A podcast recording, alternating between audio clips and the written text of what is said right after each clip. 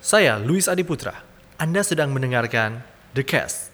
Saya Luis Adiputra dan Anda sedang mendengarkan The Cast. Untuk kesempatan kali ini ada tamu spesial yang akan menemani saya berbicara tentang filosofi cinta. Karena cinta ini sangat luas, sangat unik buat masing-masing orang itu pasti beda ceritanya. Di sisi saya sudah ada Angga yang akan menemani saya. Ya, selamat malam kawan-kawan ya. Nah, belum tentu malam juga sih, tergantung buka podcastnya jam Oh, berapa iya. kan. Nah, kita ini selalu Oh, iya. berkeliaran di malam hari, makanya selamat malam. Iya, kita kan lelaki malam tuh. Iyalah, nggak apa-apa. iya. Jadi, kita kan perkenalan diri dulu deh. Ya, eh, saya perkenalkan nama saya Muhammad Angga Wilantara. Saya laki-laki. Kayaknya kedengaran jadi ada suaranya laki-laki. nah, Angga sendiri kesibukannya di hari-hari ini sebagai apa? Seba- selain sebagai pecinta wanita? Saya belakangan ini sibuk memerhatikan fenomena-fenomena percintaan yang ada di eh, baik di dunia maya maupun di dunia nyata sekarang. Kalau yang di dunia maya nih, Ya. apa yang lagi menarik perhatian saudara? Ini di tahun 2019 ini banyak hal-hal lucu ya yang terjadi. Mm-mm. Tidak seperti pada waktu saya remaja tempo hari dulu, ya. Iya, iya. Banyak yang menjadi eh, yang anak-anak muda sekarang bilang tuh sebagai bucin. Katanya the slave of love. budak cinta. Ya, the slave of love. Ya. Kenapa begitu ini? Zaman-zaman dulu kayaknya juga ada, tapi tidak viral lah. Ya, zaman dulu ada tapi intensitas slave-nya itu tidak seperti sekarang ini. Emang sekarang slave-nya Iya. lebih parah ya? Parah, parah, parah memang, parah. Bagaimana? Bagaimana bedanya nih? Eh, zaman dulu waktu saya masih remaja SMA lah gitu ya? SMA lah Ah. SMA, SMA. kami itu budak cintanya hanya dalam tatanan eh, antar jemput ya Ah, ah, ah. makan bakso ya Iya, iya. cuma sebatas itu bareng itu Kalau yang sekarang, Bang? ah sekarang ini kacau Contohnya? Kacau. contohnya satu Apa apa? udah kedengaran, udah kedengaran. sekarang lebih parah karena eh, biasa wanita-wanita sekarang itu menganggap dirinya itu melebihi dari laki-laki. Dia kadang-kadang selain minta diantar, ah. minta dijemput, ah. terus minta dipilihin sesuatu, minta apa ini itulah itulah. Bodohnya lagi, laki-laki kebanyakan mengikuti semua itu. Iya ya. Iya. Agak iya juga sih. Iya. Sebenarnya kadang-kadang juga saya bingung, kenapa sih laki-laki mau gitu? Ya. Malah kalau saya sendiri hubungan saya dengan pacar saya, saya itu biasanya kan suka antar jemput juga, antar jemput juga, antar jemput juga. Hah? Jadi biasanya dia bilang, ih jangan mi jemput, bisa aja saya sendiri. Iya. Tapi saya ngotot, eh mau jemput, jangan mi. Akhirnya biasa berkelahi karena itu. Ya, memang kalau secara filosofi, Mm-mm. Khalil Gibran pernah mengatakan bahwa pecinta adalah budak Mhm. bagi atau terhadap apa yang ia cintai. Betul. Misalkan, ketika Anda mencintai smartphone Apple, Ah. Anda akan selalu berusaha banting tulang, peras keringat untuk mendapatkan smartphone terbaru dari Apple. Ya. Dan lantas ke- begitu pula sebaliknya ketika Anda menjadi pecinta wanita, ya, Mm-mm. maka Anda juga akan Banting tulang. peras keringat juga. Betul. Iya. Demi Apa yang dicintainya? apa yang dicintainya. Padahal ada saya ada juga seorang pakar yang mengatakan bahwa sedalam apa cintamu, begitu pula dalamnya lukamu kelak. Iya, betul. Iya. Ketika dia ditinggalkan atau ketika sudah tidak bersama lagi pasti akan terasa sakit ya. Iya.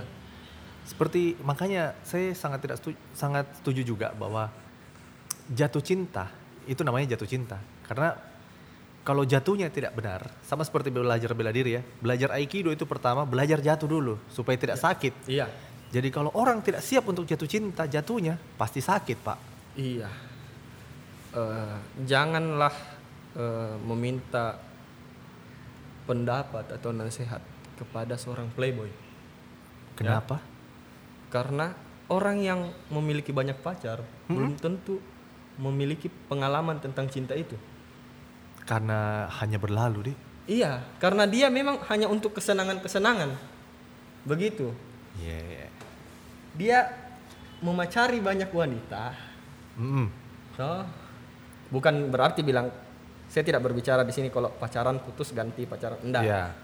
Biasa ada kan satu orang memacari Banyak sekaligus. Banyak sekali, ya. Oh iya, bukan bukan Dia- yang gonta-ganti ya. dia memang itu hanya mencari kesenangan. Tapi kalau Anda ingin tahu tentang cinta, bicaralah kepada orang yang pernah patah berkali-kali.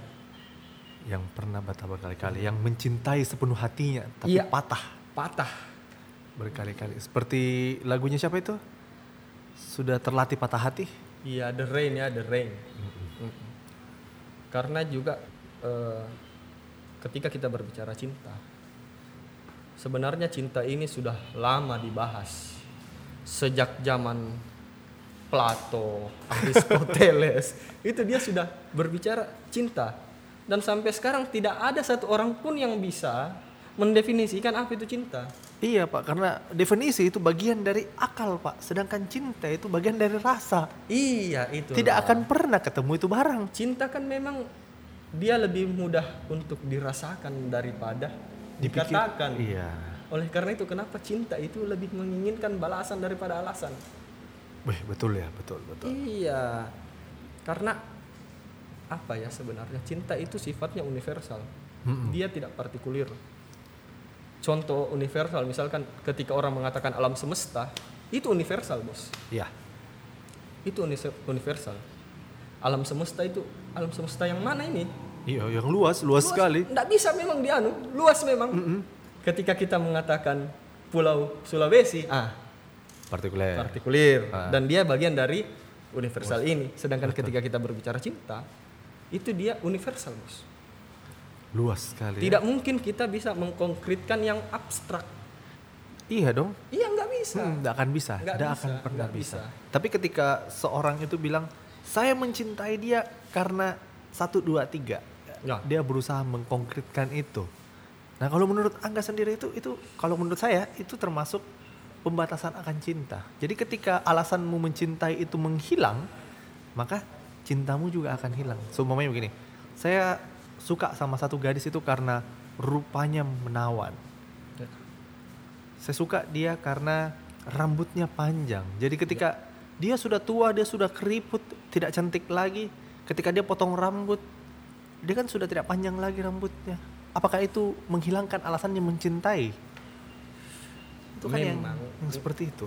Kalau dalam kasus seperti itu memang ada eh, manusia-manusia yang menilai cinta itu secara empiris. Mm-mm. Dia tidak fokus ke arah inti, ya, ke esensi dari cinta itu sendiri. Wis. Iya. Ketika Anda mengatakan saya mencintainya karena cantik, Mm-mm.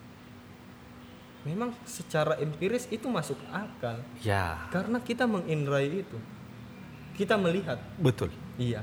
Orang-orang berpikir empirik akan selalu mengandalkan indranya. Mm-mm. Dalam hal ini, hal ini ketika dia berbicara cantik, ketika dia berbicara saya menyukai orang yang cantik, dia pasti harus melihat. Ha-ha. Pertanyaannya, apakah itu berlaku pada orang buta? Tidak dong.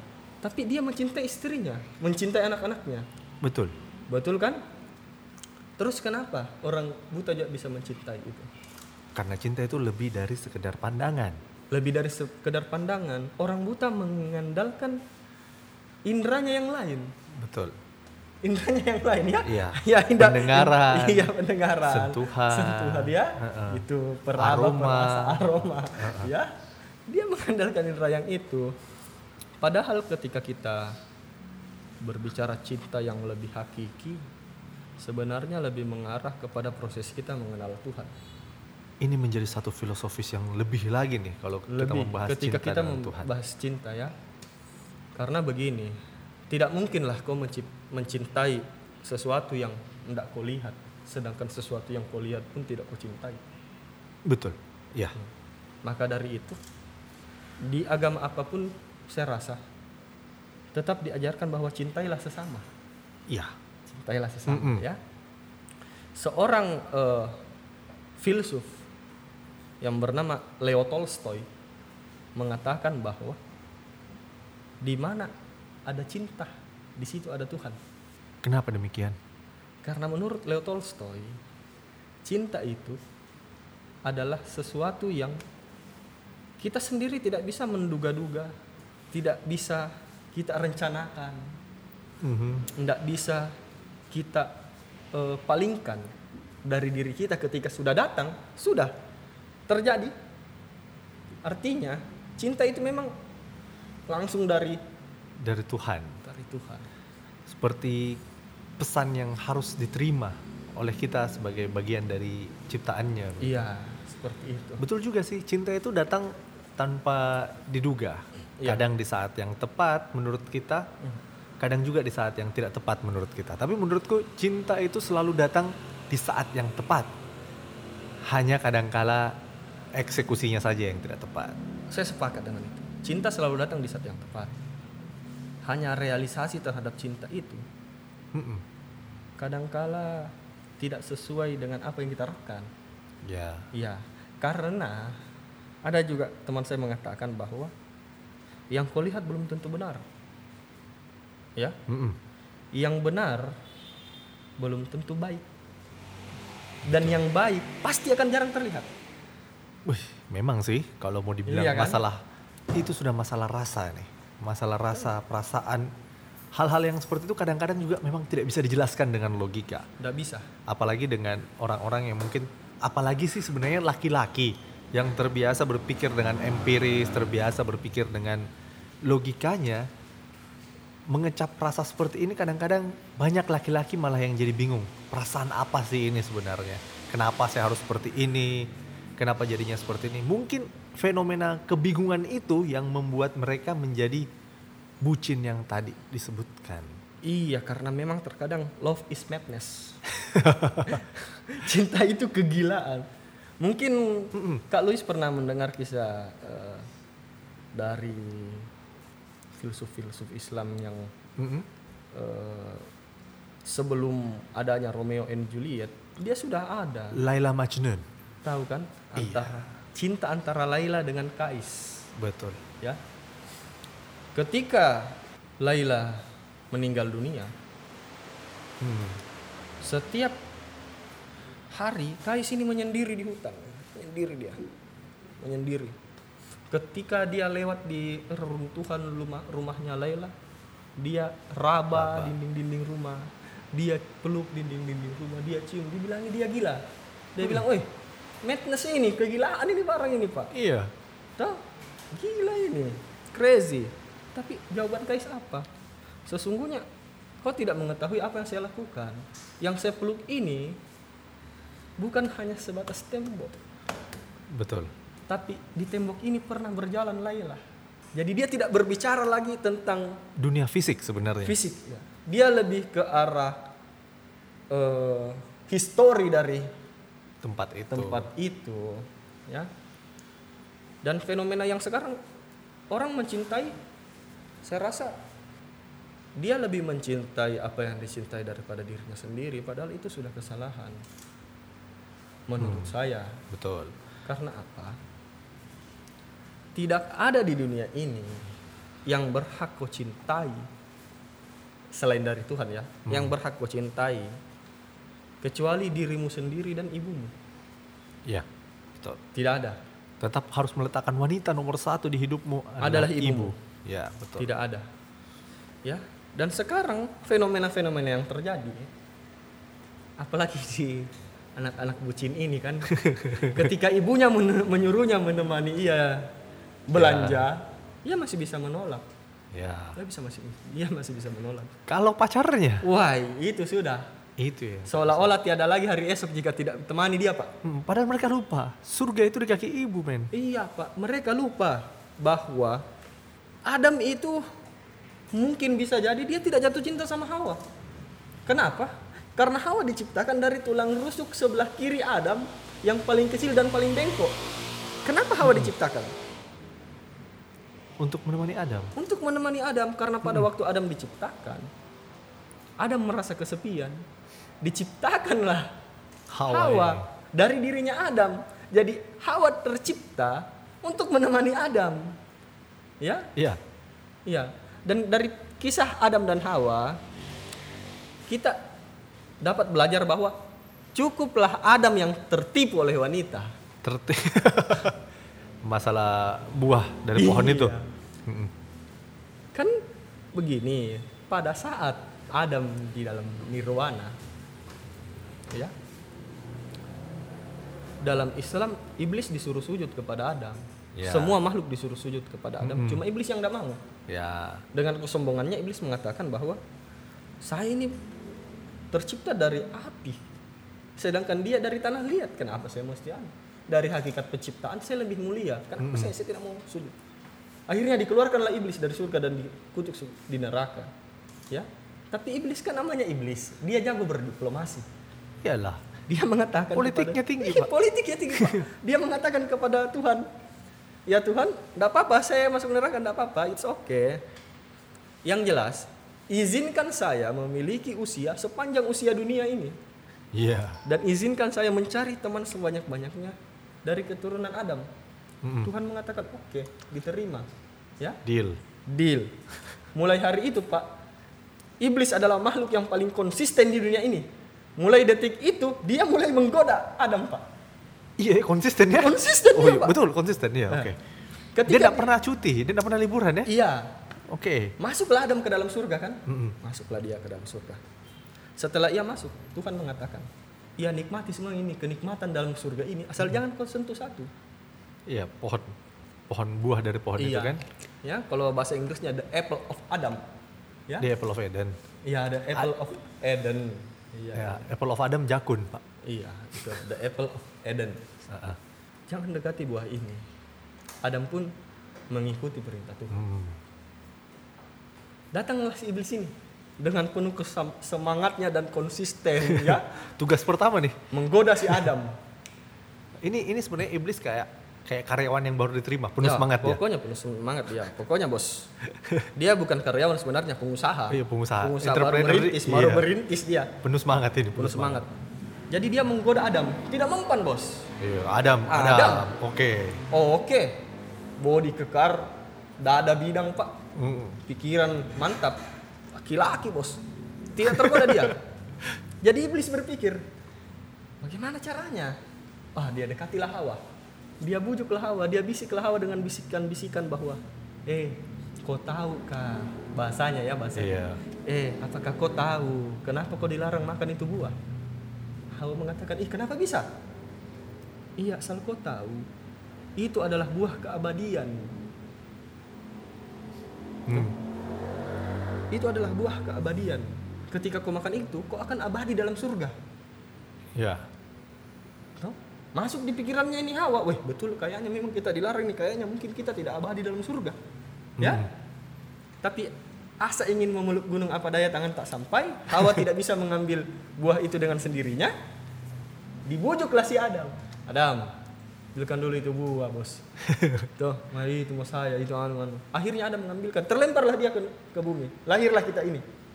Iya. Jadi sebenarnya kita mungkin tercipta ini karena kita patut berterima kasih juga mungkin kepada iblis ini. Iya. Iya, kalau enggak kita masih di tapi kita- tapi kita juga masih di surga kan. iya, itulah. Ya itu juga sih. Masalahnya sekarang kan kita perlu berterima kasih dan kita juga bis, perlu menghujat iblis ini.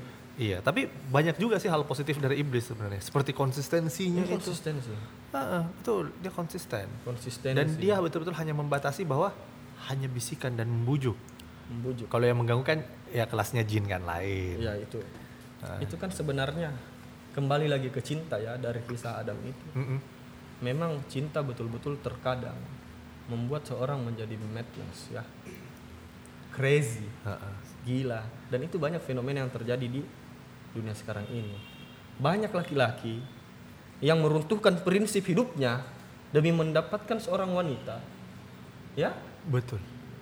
Yang sedangkan wanita itu tidak menggoyahkan setitik pun prinsipnya untuk mempertahankan laki-laki itu. Ini seperti cerita yang sangat familiar. Seperti Alexander Agung. Iya, Alexander the Great ya. Iya.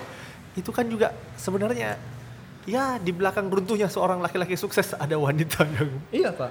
menghancurkan di Menghancurkan belakangnya. itu. Iya. Alexander Agung kan itu di Habis, Pak. habis dia Pak gara-gara wanita. Dia kan Iya. jatuhnya ketika menikahi Cleopatra. eh, bukan, yang, Cleopatra, si yang sebelumnya yang Cleopatra itu kan di zaman anu setelah setelah, dia Alexander. Ah, siapa lagi ya itu? Ini wanita yang kulit hitam itu. Iya, dia kan kena di Ah. sana juga kan. Ya, dia menikahi wanita kulit hitam dan banyak yang tidak setuju. Kenapa? Weh, zaman dulu kan Alexander Agung ini Pak Uber Ales, Bos. Kita di atas segalanya. Iya. Dong.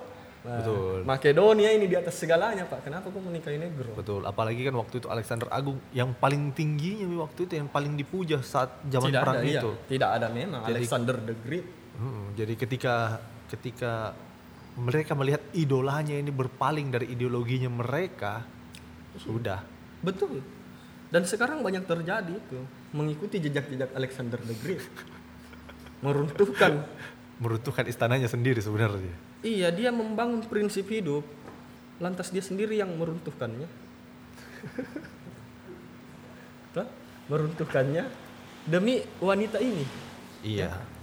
Padahal sebenarnya seperti ini. Bukan saya ini bukan orang yang membenci feminin, tidak. Feminisme. Iya, feminisme. Hmm. Saya cuma pancing koluis juga ya. Feminisme ini kan kadang-kadang juga di luar nalar kita sebagai laki-laki. Kenapa Kadang- saya mengatakan demikian? Iya. Karena apa? Mereka selalu ingin wanita selalu ingin disetarakan terhadap laki-laki, ya? Hmm. Terhadap laki-laki. Tapi kalau urusan ngantri, dia bilang ladies first. Kalau ngantri Pak, ladies first, Bos. Angkat barang berat. Ih, tugasnya laki-laki. Padahal logikanya kan dia mau disetarakan. Ya betul. Kalau kalau definisinya kayak begitu kan eh, kita bahas feminis yang dimasuk sekarang di Asia memang masih seperti itu.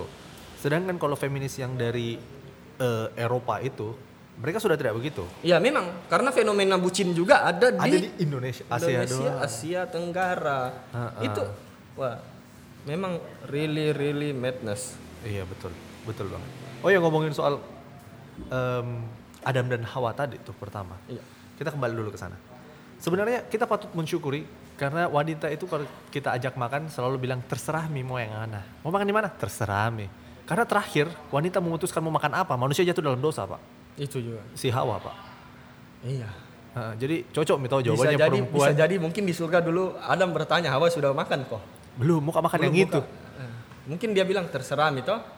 Adam bilang. Lama-lama mungkin Adam bilang Eh, jangan kau terserah terus. Iya. Nah, akhirnya dia bilang itu sana Itu buah itu kau ambil toh. Eh, sudah, Mi. Habis, Mi. Habis dia, Pak. Masuk. Iya. Masuk ke dalam Makanya syukurilah sekarang wanita hanya bilang terserah mi. Walaupun ujung-ujungnya, ih terserah mi, makan bakso pade, ih bakso lagi, kemarin barusan kita makan bakso, pade. Mie pade, ih mie lagi, banyak kalorinya, gemuk kan nanti. Terus apa jika mau? Terserah aja. Masukmu. itu madness. Ya itu kadang Bodohnya lagi kita laki-laki mengikuti itu. Ya itu juga masalahnya. Bodohnya lagi kita mengikuti itu barang itu. itu. itu Itu sebenarnya barang yang barang. yang apa nih sebenarnya jawabannya terserah. Tapi ada selalu saja yang disangkali ketika kita bilang ini mau, jangan mie yang lain mau. Jadi kau makan apa? Terserah. Ih, Saya sebagai lelaki melihat cinta itu ketika kau mencintai seseorang, tidak boleh lebih, tidak boleh kurang. Tidak boleh lebih, tidak boleh kurang. Ibarat garam dan eh, micin. Oke. Ibarat garam dan micin itu harus pas. Iya, kalau tidak masakan itu Tidak bisa. tidak masuk akal Tidak rasanya. bisa. Ketika ada mie yang lebih, ay susah. Karena sebenarnya saya punya teman juga seorang filsuf ya di kampus namanya Daud Eko Cahyo Rukmono. Dia orang tidak percaya cinta. Dia tidak percaya cinta. Mhm. Ketika saya bertanya, Eko, kau percaya cinta? Dia bilang, saya tidak percaya Bung Angga. Terus kau percaya apa? Yang saya percaya hanya kesetaraan hasrat. Wih, saya bilang dalam sekali maknanya nih. Luas sekali sebenarnya. Luas sekali. Saya tanya, apa maksudnya kesetaraan hasrat? Iya.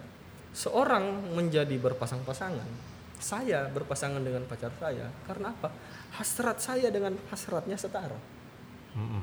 Ketika ada salah satu hasrat yang ingin mendominasi hasrat yang lain, maka akan selesai hubungan tersebut.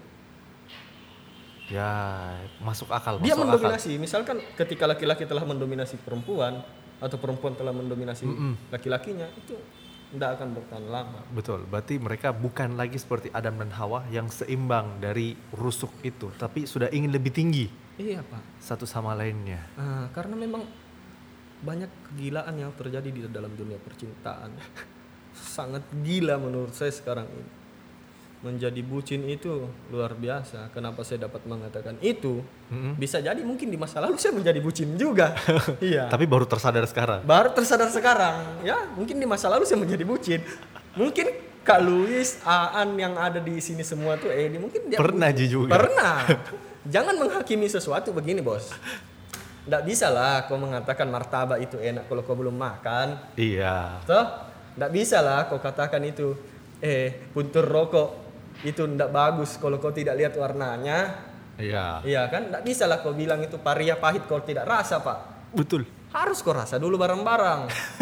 Baru kau merasakan bahwa itu tidak baik. Mm-mm, Ya, itu betul. madness, kegilaan. Jangan sampai kita ini lelaki, baik lelaki maupun wanita, itu masuk dalam madness tersebut.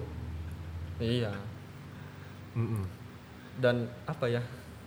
Ketik saya tidak mau berbicara juga terus tentang lelaki, saya ingin berbicara juga tentang wanita. Nanti pendengar kita ini merasakan bahwa wah Diskriminasi diskriminatif. Oke, oke. Ah, ini kita saya tadi membahas kegilaan dari laki-laki. Mm-mm. Sekarang ada juga perempuan yang gila. Banyak sih juga Banyak sebenarnya. juga. Banyak, banyak. Banyak juga. Ah. Banyak juga. Bodoh juga. Parah juga dia. Lebih parah dari laki-lakinya. Kenapa? Laki-laki menjadi bucin karena dia ada something. Yes. ah, Ada something untuk dia wujudkan entah itu dia oh saya mau menikah sama dia nih. Ya. Saya mau jadikan dia satu-satunya nih. Wanita menjadi bucin itu Kadang agak brutal juga ya. agak brutal juga bos. Kadang dia sampai memberikan uangnya, memberikan apanya kepada orang yang menurut saya begini. Banyak fakta ketika kok Luis tahu ndak maksudnya perselingkuhan sekarang tuh lebih banyak dilakukan oleh wanita daripada Daripada laki-laki. Hmm. Kenapa? Karena dia selalu tidak merasa cukup. Ya, dari segi apa pun itu dia tidak merasa cukup. Kenapa saya mengatakan tidak merasa cukup? Misalkan dia sudah punya pacar Mm-mm. yang bucin, yang bucin. Ah. Dia malah menyukai lelaki yang stay cool, Iya, yang tidak mau tunduk sama dia. tidak mau tunduk sama dia. Dia berusaha moton jadi laki-laki pak, berusaha mau meruntuhkan itu pak. Mm. Saya harus taklukkan ini lelaki nih pak.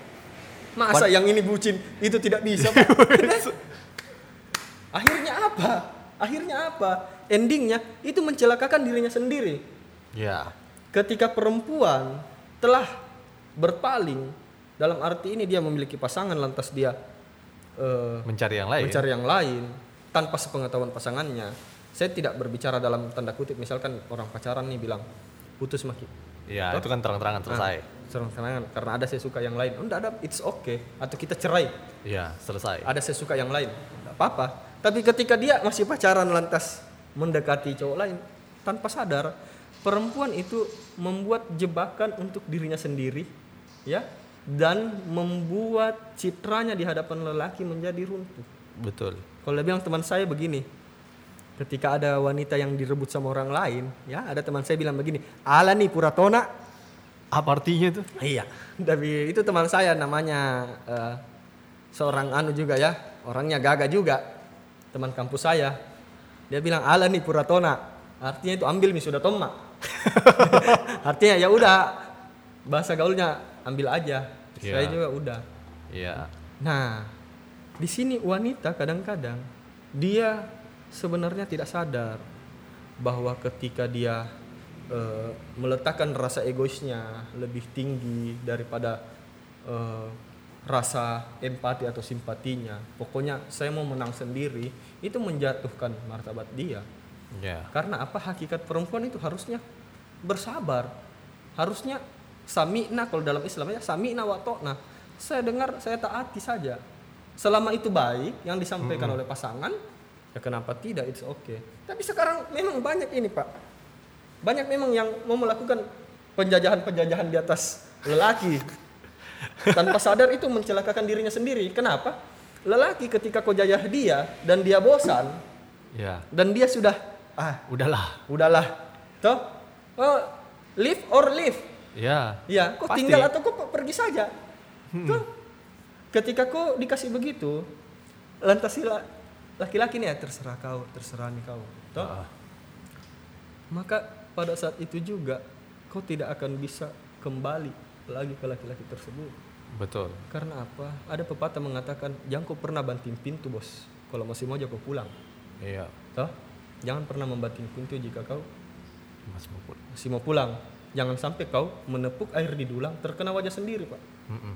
ini pak jangan memes sama api pak Ya. jangan memes sama api saya rasa memang wanita ini kalau dia bilang eh, itu yang mungkin kalau juga tahu Ronald Frank itu dia bilang kan lelaki dari Mars Ya, perempuan dari, dari Venus. Venus. Ya, memang susah ini barang ketemu, Pak. Susah. Kita selalu berpikir yang simple. Kita mau simple, Pak. Ya, Mau makan apa? Sebut mako. selesai. Maka makan pizza, sayang. Oke, kita pergi makan pizza. Ah. Sedangkan wanita tidak. Mau makan apa? Enggak tahu juga kita apa. Makan ini, enggak enak, eh jam makan itu. mau makan ini, eh sudah makan kemarin itu. Eh, mau makan ini, sudah makan itu. Akhirnya dia sendiri yang menentukan. Iya, Iya. setelah Setelah itu kenapa? Kita gunanya apa? Ya. Kesalahannya kita ikuti itu barang. ya itu juga masalah. Kesalahannya wanita, dia juga begitu. Sebenarnya sama-sama salah. Sebaiknya ketika mau makan, lelaki bertanya, wanita menjawab. Ya. Wanita bertanya, lelaki menjawab, wanita ikuti. Mm-mm. Itu supaya menjaga harmonisasi ini. Betul. Itu sama seperti tangan yang harus klop kan? Iya. Sama begini. Cinta itu, Pak, seperti rokok sama korek. Ya. Aku itu ibarat rokok, kau ibarat korek, Pak. Tidak akan bisa terjadi suatu kenikmatan ketika kau tidak ada. Pasti harus ada, Pak. Betul. Harus ada saling melengkapi Harus itu. ada. Kalau tidak, ya tidak tidak bisa jadi. Iya, Pak. Kadang-kadang juga wanita selalu menginginkan yang selalu ada. Dia mengatakan bahwa yang istimewa akan dikalahkan oleh yang selalu ada. Tapi untuk apa selalu ada tapi tidak istimewa? Nah itu juga masalahnya. Untuk apa, Pak? Tapi untuk apa kok selalu ada tapi kok tidak istimewa? Istimewa. Ngapain? Sama aja juga anu kan selalu ada tapi tidak istimewa. Ban serep selalu aja ada, ada. tapi selalu jadi pilihan kedua. Pilihan kedua aja kalau bocor ban, Pak. Iya. Jangan kok Kalau sudah kalau sudah ditambal kembali lagi ban utama kapelek utamanya di situ. Iya, kok kira ini hati, kok kira ini keset, kok kira ini hati keset yang biar selalu diinjak-injak tetap dibilang welcome.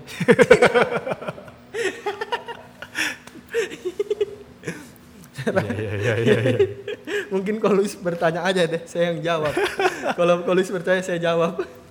Nah kalau kalau kita ngomongin soal memang sih fenomenanya sekarang banyak laki-laki yang eh, seperti itu budak cinta lah istilahnya. Mungkin zaman-zaman dulu SMA saat masih istilahnya cinta monyet saling mencintai seperti itu yang akhirnya pun berlalu. Itu kan kayak pasti Angga juga pernah rasakan cinta monyet itu yang cuman senang lihat pacari habis itu kemudian rasanya ih nggak cocoknya ini Iya. akhirnya sudah berakhir toh. Iya, awalnya cuma coba-coba. Ya awalnya coba-coba akhirnya aduh ternyata pahit pak. Pahit, Pak. pahit pak oke sudah berhenti. Iya, Pak. Dan ini sebenarnya yang yang saya khawatirkan dengan fenomena kawin muda Oh, kawin di muda. ya. Sulawesi Selatan khususnya ini pak. Kawin muda. SMP, Oh, SMA iya, iya, kawin muda wah ada ada ada. Iya, iya, iya. Nah kita saja yang pacaran itu rasanya pahit sekali pak. Apalagi kawin ini. Ya, memang ada fenomena-fenomena tersebut seperti kawin kawin muda. Iya. Kalau saya rasa bukan kawin muda, nikah, Nikah muda, Walaupun di undang-undang itu undang-undang perkawinan, Perkawinan, iya, bukan oke. pernikahan. Ah, ah. Iya. Itu tidak lepas dari budaya kita. Yes. Kenapa? Kita hidup di eh, lingkungan yang mana budaya kadang-kadang menjadi tolak ukur dari keberhasilan orang. Kenapa? Contoh saya bilang, saya mengatakan begitu. Orang dikatakan berhasil wanita dikatakan harga harkat dan martabatnya tinggi ketika dia memiliki uang panai banyak Iya. ya Makin tinggi sekolahnya makin tinggi juga uang panainya Iya, terlalu tinggi sekolahnya malah orang kasih panai. malah. Kenapa? Karena dari sisi budaya. Dari sisi budaya dan kearifan lokal dia menganggap bahwa jumlah uang panai itu adalah sebenarnya bukannya saya jual anak saya enggak. Iya. akan tetapi itu jumlah yang harus kau tebus untuk hidup bersama anak saya yang telah saya besarkan sedemikian rupa dan saya membuat memberikan pendidikan dan kasih sayang sebaik-baiknya. Tapi ketika kita berbicara filsafat, dia itu sebenarnya lebih ke arah pembuktian cinta secara materialisme. Iya, karena kan biar bagaimana harus diadakan pesta. Biasanya kan Ah. panai itu juga berhubungan dengan pestanya. Jika memang kau mencintai putri saya, tentunya kau akan memberikan yang terbaik. Terbaik. Mulainya itu dari pesta perkawinanmu, pernikahanmu itu. Masalahnya ketika kita mau uang panai banyak bos, jam jantung mako acara mau royal wedding pak. Kalau bukan jako dari royal family, Iya, iya, iya, iya. jantung mako bos. Ada ada ada tidak tonji cantik cantik anakmu, toh sama-sama jak ini. Anakmu satu saya satu tonja, toh. Iya, iya. Seandainya, seandainya anakmu itu profesor Ah. atau ketika saya nikahi anakmu ini pak, saya bahagia selamanya saya masuk surga? Tidak.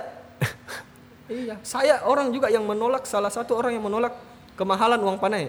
Mm-mm. Saya tidak menolak kemahalan mahar. Oh iya, Karena mahar. mahar. dari segi agama memang itu hak perempuan. Ini uang panai, Bos. Iya, karena kan itu biasanya biasanya ya selama ini terjadi uang panai itu akan habis dalam Iya, pesta. Betapa banyak cinta yang kandas karena uang panai, Pak. Pacaran 4 tahun. Pas mau melamar, kurang 50 juta uangnya. Dalam anaknya kawin, Pak. Akhirnya apa? Kawinlah anaknya sama orang lain. Ya. Ya. Pada saat belum berjalan berapa lama kawin, anaknya itu pergi selingkuh sama mantan pacarnya. Iyalah. Kandas per kandas, Pak. Perkawinan juga Iya. di situ kan. Memalukan bareng-bareng. Memang. Iya, dan mengenai fenomena kawin muda ini eh, banyak terjadi ada di Bantaeng, ada di tempat-tempat yang lain. Itu mereka untuk sebenarnya kawin muda memang sejak dulu itu sudah jadi tradisi nenek moyang kita bahwa ketika seorang anak telah akil balik mm-mm. dan dia suka kepada wanita daripada dia melakukan hal-hal yang mencemarkan nama baik, mending kasih kawin, kasih nikah, ya. Ya. Tapi kan dia orang-orang yang nikah muda itu sebenarnya kalau menurut saya orang-orang yang betul percaya kepada Tuhan itu. Dia percaya betul bahwa rezeki Tuhan yang atur. Ya. Sedangkan kita-kita ini yang belum nikah-nikah bisa jadi mungkin kita keyakinan kita kurang. Iya juga sih, tapi maksudnya setelah eh, bandingkan saja ya. Saya mungkin yang eh, selama ini jalanin pacaran sudah cukup lama. Tapi itu beda loh ketika SMA kita pacaran, eh, kuliah pacaran, setelah lulus kuliah pacaran sampai hidup sehari-hari ini paca, eh, pacaran ya. Itu definisinya eh, pemikiran pola pikir kita itu berbeda loh dari waktu ke waktu itu terus ber- berubah gitu. Iya, betul, betul sekali. dalam menanggapi satu masalah bandingan aja sih. Masalah kayak emosi lah emosi menghadapi pacar atau emosi menghadapi wanita itu beda ketika masih SMP SMA kuliah dan sampai sekarang. Itu beda. Iya. yang saya khawatirkan dalam per- pernikahan yang terlalu dini itu adalah emosi yang labil dari mereka itu. Kadang-kadang emosi bentak-bentak berantem cerai takutnya yang jadi jadi korban sih selalu pasti anak Eh. eh tapi mereka masih anak juga sih maksudnya Ya, anak dari mereka sih Iya, anak dari mereka. Ah, Mereka anak, yang anak- punya anak. anak, ya. Anak punya anak. Heeh. Iya. Kalau menurut saya sendiri, Mas, ya masalah pacaran itu memang berbeda antara SMP, SMA, kuliah atau ketika kita selesai kuliah. iya Memang beda. Menghadapi itu, wah, dulu saya bos waktu pacaran brutal juga. Dalam artian begini, kau tidak ikuti nih barang, saya putuskan kok. Gampang kok dua minggu lagi saya dapat perempuan. Mm-mm. Waktu SMA, ya ya jengkel sedikit putus aja banyak bunga tak setangkai kumbang tak seekor Uts. iya nah tapi kan sekarang berbeda kita tidak berbicara itu lagi ya kita ingin membangun kisah cinta untuk masa depan masa depan kita bersama Mm-mm. Sebenarnya mengenai emosi atau apa itu sebenarnya ketika kau mendapatkan pasangan yang sering emosian, jangan kau salahkan dia pak, salahkan dirimu kenapa kau pilih dia. ya, Ya, ada betul. punya pasangan yang suka gas-gas motor, Ya. ya standing standing, Kok jatuh dari motor? jangan salahkan dia pak, salahkan kau, kan kau Sudah tahu, dia tahu. orangnya bagaimana. Iya betul juga sih. Kau harus terima dia ketika kau cinta dia, kau ter- harus terima dia. Lebih dan kurangnya. lebih dan kurangnya dan beserta semua konsekuensi serta resiko yang akan kau terima ketika kau mencintai dia. Paket lengkap di. Paket lengkap itu barang. Kalau kau terima cantiknya, kau harus terima juga koro-korannya. Ya. Kau terima eh, baiknya, kau harus terima juga ongkosnya. Misalkan, kau- kalau jangan kau punya pacar, jangan kau ber, aduh susah juga sekarang pak laki-laki banyak juga yang salah. Ah, ah. Saya dalam hal ini mendukung wanita ya. Jangan cari cewek cantik pak, tapi tidak mau kau belikan makeup pak. Nah itu juga betul itu Eh. salah. Karena biaya perawatan untuk menjadi cantik itu Iya, mahal. Pak, saya sudah berusaha kasih senang kok dia bilang perempuan, saya kasih senang kok. Masa kok tidak kasih senang kak? Betul. Tapi sama juga em, istilahnya perhiasan seorang wanita itu adalah yang dia kenakan, cincin, kalung, anting, dan perhiasan seorang suami itu adalah istrinya. Ketika istrinya tampil cantik dan menawan, ada kebanggaan tersendiri sebagai seorang suami. Dalam filosofi masyarakat Jawa mengatakan bahwa aji ning raga gumantung saka busana. Artinya harga diri seseorang dinilai dari apa yang dia kenakan. Hmm. Karena hal itulah yang pertama kita lihat. Contoh begini ya. Lihat cewek cantik pakai rok mini, Hmm. pakai tank top di tengah jalan, pasti kau bilang, Iyalah. "Tidak bagus ini barang, Pak." Iyalah. Padahal kita belum tahu, Pak. Mungkin dia pakaiannya basah, belum kering. Iya. Iya, iya. Nah, tapi kan itu kita hakimi orang dari apa yang pertama kita nilai dari Ya. pakaiannya. Mm-mm. Maka dari itu apa yang dia kenakan itu membuatnya cantik dan membuatnya terlihat anggun dan memiliki harkat martabat yang tinggi. Dan kesalahan wa- wanita juga ya susah bos. Kalau cantik kok, toh jangan kau salahkan pacarmu kalau tidak bisa kok nah belikan anu pak. Kalau nulihat pacarmu juga tidak terlalu banyak uangnya, harus kau mengerti bos. Yang awalnya mung- mungkin bedakmu eh apa itu yang mahal-mahal itu ya? Datoka Beda juga saya. saya juga. ya mungkin bedakmu awalnya eh, warda-warda ya ganti mau kok herosin herosin mau pakai Perusahaan bedaan. bedak itu. gatal gatal. tapi kan tidak begitu saya Iya. rasa itu berkaitan semua itu satu runtutan mulai Adam Hawa sampai nikah muda itu kacau memang tapi nikah muda saya termasuk orang yang agak setuju ya dengan nikah muda daripada menimbulkan iya yang tidak setuju sama nikah muda itu cuma BKKBN BKB. iya kenapa untuk menghambat Laju penduduk. laju penduduk ini sebenarnya gitu aja Iya sih sebenarnya. dua anak cukup wah dua anak cukup pak Heeh. Indonesia karena apa kalkulasi kalkulasi aja di Brunei Darussalam pak makin banyak anak makin dah suka Iya. iya di Karena kan lahannya luas. iya Qatar lahannya sempit bos tapi banyak uangnya Oh, banyak, oh iya banyak. iya di Qatar lahannya luas banyak uangnya tapi orang sedikit anaknya dia bilang ya makin banyak anak saya tanggung kok pak Iya. tapi sebenarnya kenapa banyak yang benci nikah muda itu saya rasa omong kosong itu ber- berdampak kepada anak emosi tidak sebenarnya itu tergantung dari si pasangan ini ketika dia siap menikah ahlaknya bagus agamanya bagus pikirannya terbuka kan tidak ada yang larang anak usia kalau di undang-undang ya laki-laki 19 tahun wanita 16, tahun ya kan bisa melanjutkan studi dalam Sebenarnya bisa. bisa untuk lebih mempermantap akal pikirannya. Tapi kan yang terjadi kasus yang di mana ini yang terakhir? Yang di Pare ya? Eh, Oh di Bantaeng. yang di Bantaeng ya? jadi Itu yang terakhir kan itu? Itu karena mereka sudah lari bersama. Iya. Jadi dinikahkan. Sebenarnya bukan lari. Bukan lari namanya. Apa ya? Bersembunyi. Dia sebenarnya mencari jalan, mencari jalan pintas. Nah itu makanya. iya, mencari jalan pintas untuk mencapai Oh, ini suara apa?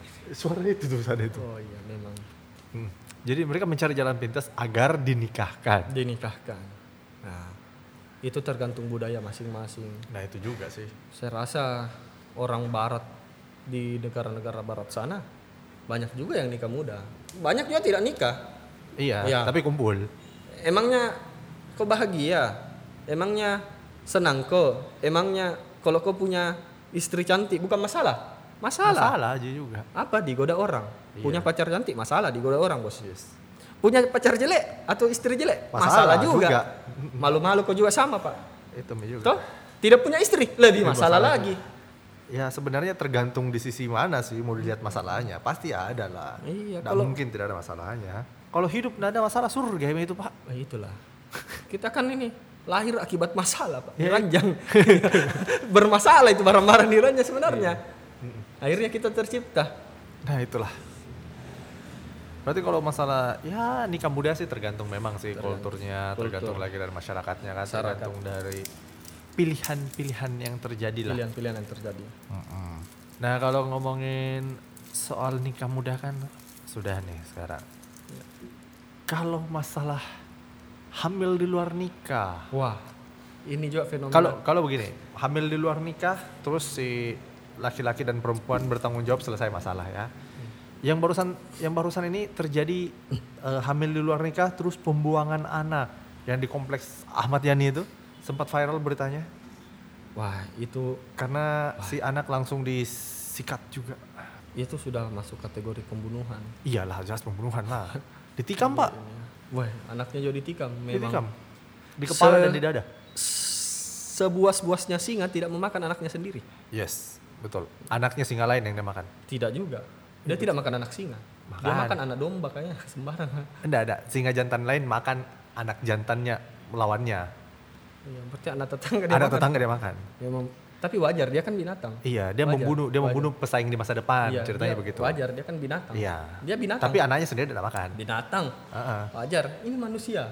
Itu. Kenapa bisa hamil di luar nikah? Itu dulu kita per- Kenapa bisa hamil di luar nikah? Ya, itu dulu, dari itu dulu. Dari itu dulu kita berbicara dulu dari tesanya dulu. Ya, dari tesa dulu kita berbicara ya. Kenapa dia bisa hamil di luar nikah?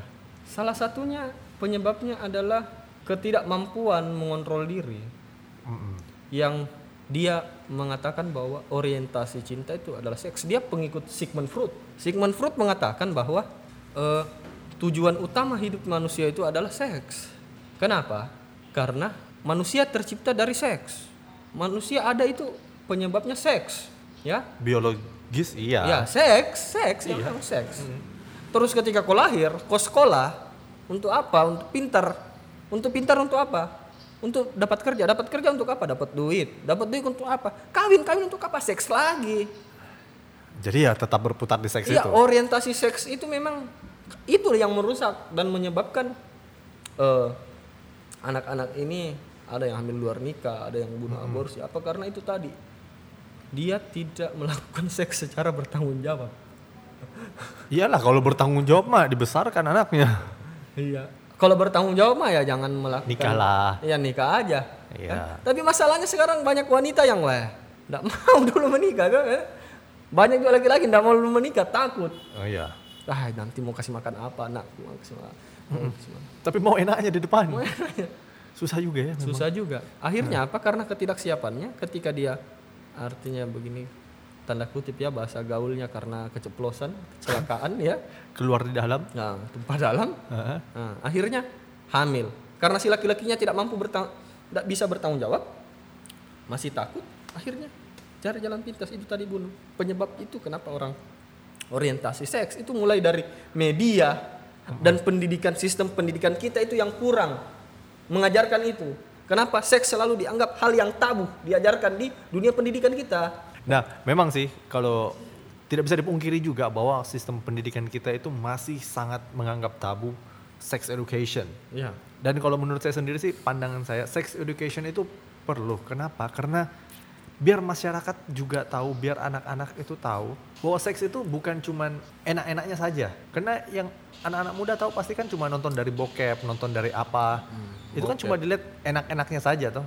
Dia tidak tahu eh, setelah itu ada apa. Kemudian eh, setelah itu masih ada penyakit-penyakit apa yang sembarang kau lakukan kan itu masih banyak banyak sekali sexual transfer disease di antara itu kan. Iya. Nah, ketika melakukan hubungan seks di bawah umur itu juga menyebabkan perubahan tubuh yang terlihat sebenarnya. Itu kan juga ada resiko-resiko Iya, iya. resiko-resiko Memang, yang terus-terus berkembang. Ya, saya, saya itu fenomena yang terjadi juga. Iya. Biasa sekarang kita lihat itu terutama di Burger King, McD, kita lihat, wih, sudah besar padahal masih kecil. Sudah besar padahal masih kecil. Sudah besar padahal masih kecil. Ini ada apa?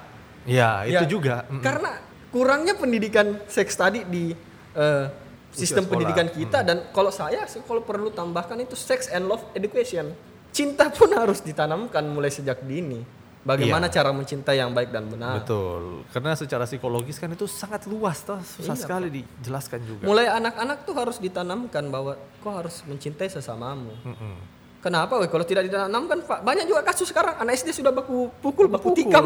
Iya. Iya, Ya, karena iya, tidak iya. ditanamkan cinta itu. Ah, ah, betul, betul.